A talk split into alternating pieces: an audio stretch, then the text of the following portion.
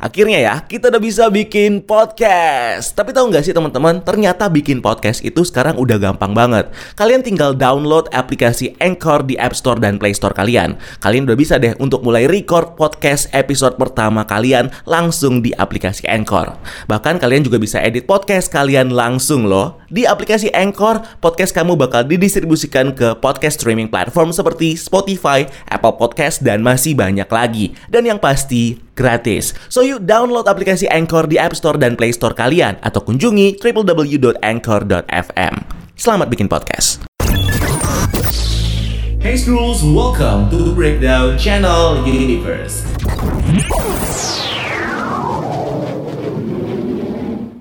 Siapakah sosok sebenarnya dari Power Broker yang ada di series The Falcon and the Winter Soldier? Hey Skrulls, welcome to Breakdown Channel Universe dan di video kita kali ini kita bakal mencoba memecahkan misteri siapa sosok di balik Power Broker di series The Falcon and the Winter Soldier. So langsung aja bareng gue Rian kita bahas langsung topik kita kali ini.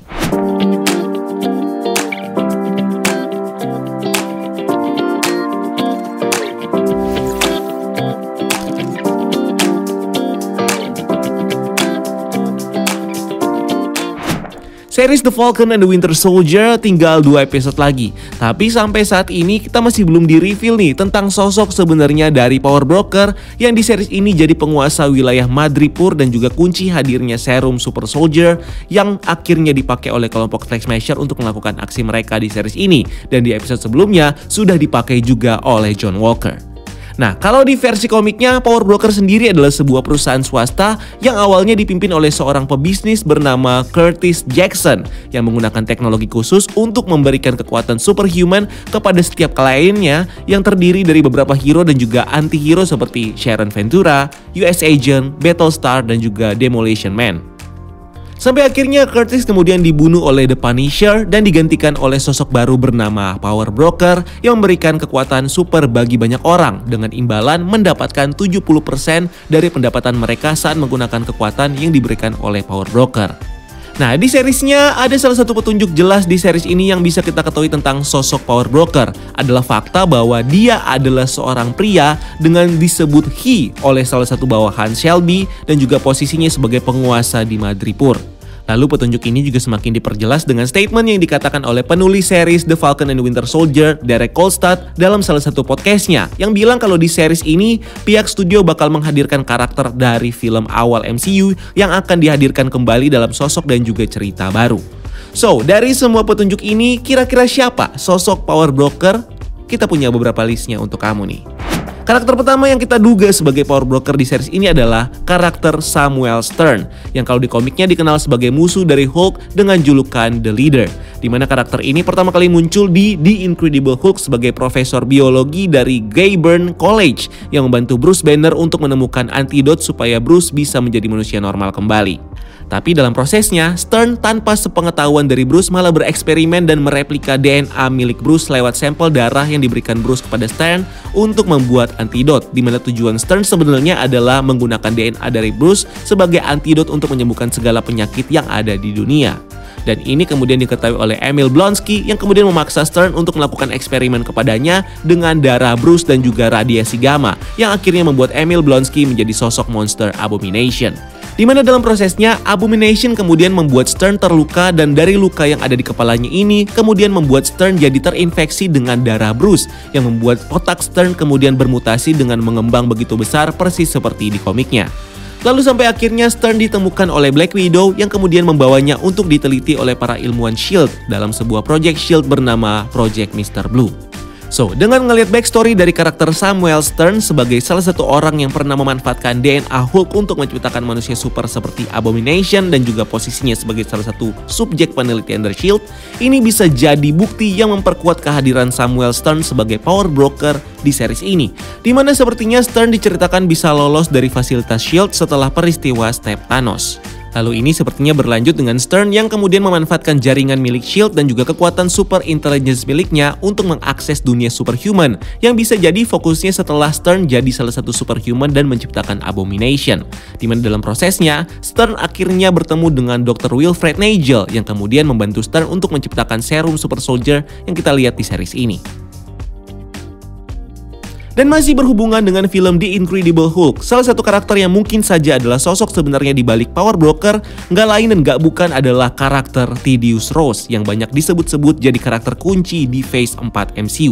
Di mana di sepanjang film MCU kita tentunya tahu kalau Tidius Rose adalah salah satu karakter MCU yang begitu terobsesi menciptakan manusia super sejak dia terlibat dalam proyek Biotech Force Enhancement yang merupakan proyek pemerintah Amerika untuk menciptakan super soldier sebagai respon dari kejadian terorisme 9/11. Dan proyek ini akhirnya jadi awal mula untuk membuat Bruce Banner menjadi Hulk karena radiasi gamma dan juga membuat Emil Blonsky jadi super soldier dengan replika serum milik Erskine. Sebelum akhirnya Emil Blonsky mendapatkan darah Bruce yang kemudian membuatnya jadi monster Abomination. Lalu lima tahun setelah kejadian pertempuran Harlem yang berakhir dengan kemenangan Hulk atas Abomination, Tidius Ross akhirnya keluar dari militer Amerika dan bekerja sebagai Menteri Sekretaris Negara untuk Presiden Matthew Ellis.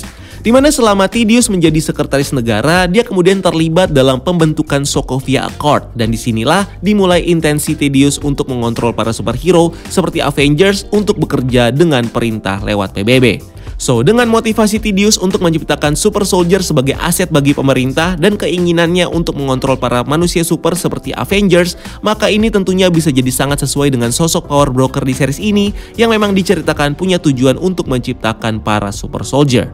Selain itu, dengan posisi Tidius Ross jadi salah satu korban dari snap Thanos, maka bisa jadi saat dia hidup kembali saat peristiwa blip, di sini Tidius Ross sebagai sekretaris negara mungkin ditugaskan oleh pemerintah untuk menciptakan para manusia super baru peng pengganti Avengers yang dinilai sudah gagal dalam mencegah invasi Thanos di 2018 dan juga tidak bisa dikontrol pemerintah karena pemberontakan Captain America terhadap Sokovia Accord di tahun 2016. So, untuk mewujudkan agenda ini, Tidius akhirnya menggunakan resource dari pemerintah untuk memulai kembali project Super Soldier-nya. Di mana dalam project ini, Tidius kemudian menggunakan identitas baru yaitu Power Broker supaya projectnya ini bisa tetap rahasia dan tidak diketahui oleh para superhero Avengers. Dan karena di sini Tidius menggunakan jaringan pemerintah, inilah yang membuat Tidius bisa menemukan sosok dari Dr. Wilfred Nagel yang dulu pernah bekerja untuk CIA dalam menciptakan serum super soldier dari darah Isaiah Bradley. Di mana ini tentunya dimanfaatkan oleh Tidius untuk mensukseskan agendanya dalam menciptakan pasukan super soldiernya sendiri.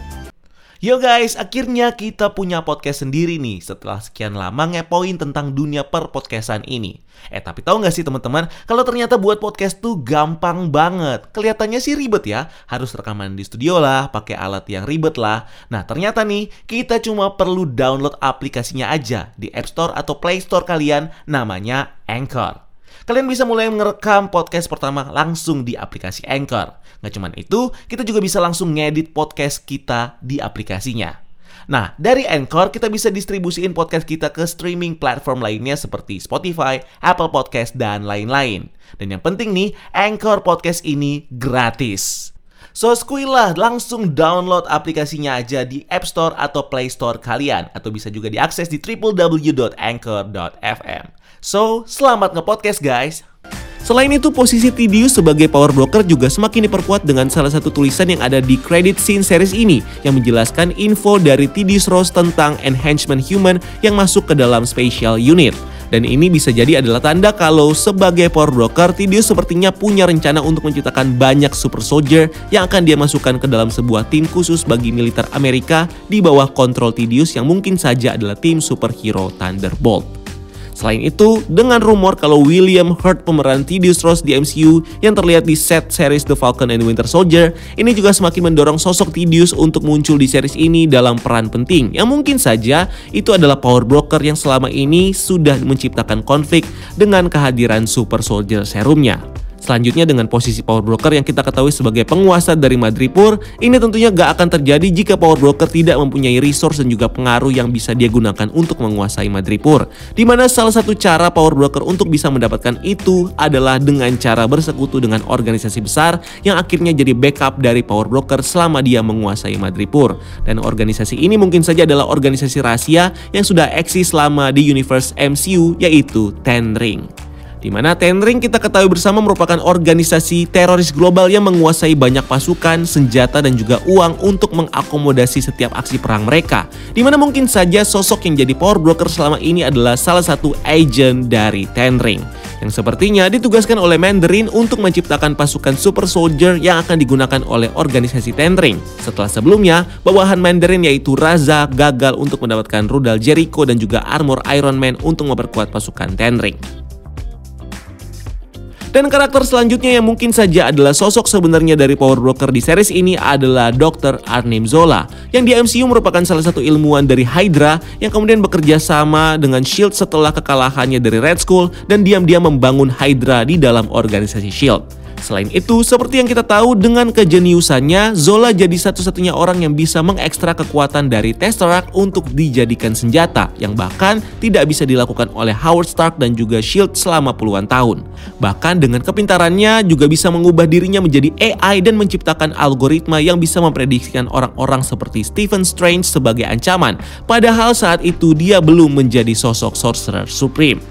Dan di MCU kita tentunya tahu kalau Zola juga pernah terlibat dalam proyek pembuatan Super Soldier dengan menggunakan tubuh Bucky dalam program Winter Soldier. Di mana dengan menggunakan serum buatannya dan juga cybernetic enhancement, eksperimen ini akhirnya berhasil dengan membuat Bucky sebagai super assassin yang bekerja untuk Hydra selama puluhan tahun. So dengan kejeniusan yang dimiliki oleh Zola dan juga pengalaman Zola dari program Winter Soldier, inilah yang kemudian membuat Zola jadi cocok menjadi salah satu karakter di balik sosok Power Broker. Di mana mungkin saja setelah peristiwa di film Captain America Winter Soldier saat AI Zola diceritakan hancur karena serangan rudal shield, AI milik Zola somehow bisa survive dengan kepintaran yang dia miliki dan Zola akhirnya bisa menciptakan tubuh baru dengan kesadarannya. Yang bisa jadi tubuh barunya ini adalah robot seperti yang ada di komiknya yang mungkin saja di MCU punya bentuk seperti manusia. Di mana ini sendiri juga sempat ditis di film Captain America First Avengers yang menunjukkan kita dengan blueprint dari tubuh robot yang sepertinya dibuat oleh Zola untuk menampung kesadarannya di masa depan. Lalu dengan organ robotnya yang baru dan juga jaringan milik Shield yang sepertinya bisa dia akses selama dulu bekerja di Shield, Zola di sini kemungkinan besar bakal punya fokus baru untuk membangkitkan kembali organisasi Hydra yang jatuh karena peristiwa di film Captain America Winter Soldier.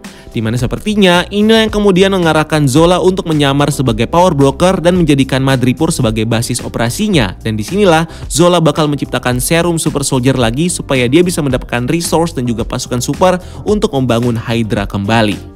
Selain itu, dengan keterlibatan Zola dalam proyek Winter Soldier yang juga pernah diikuti oleh Dr. Nigel, inilah yang kemudian membuat Zola akhirnya bisa mengetahui tentang keberadaan Nigel dan mengajaknya untuk menciptakan serum Super Soldier baru.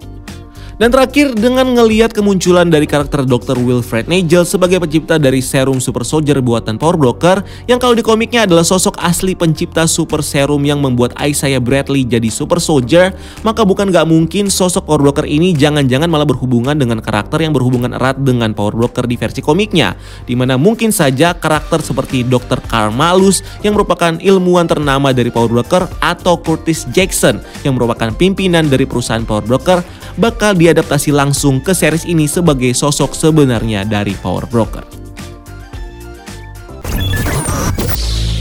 Keep exploring the multiverse.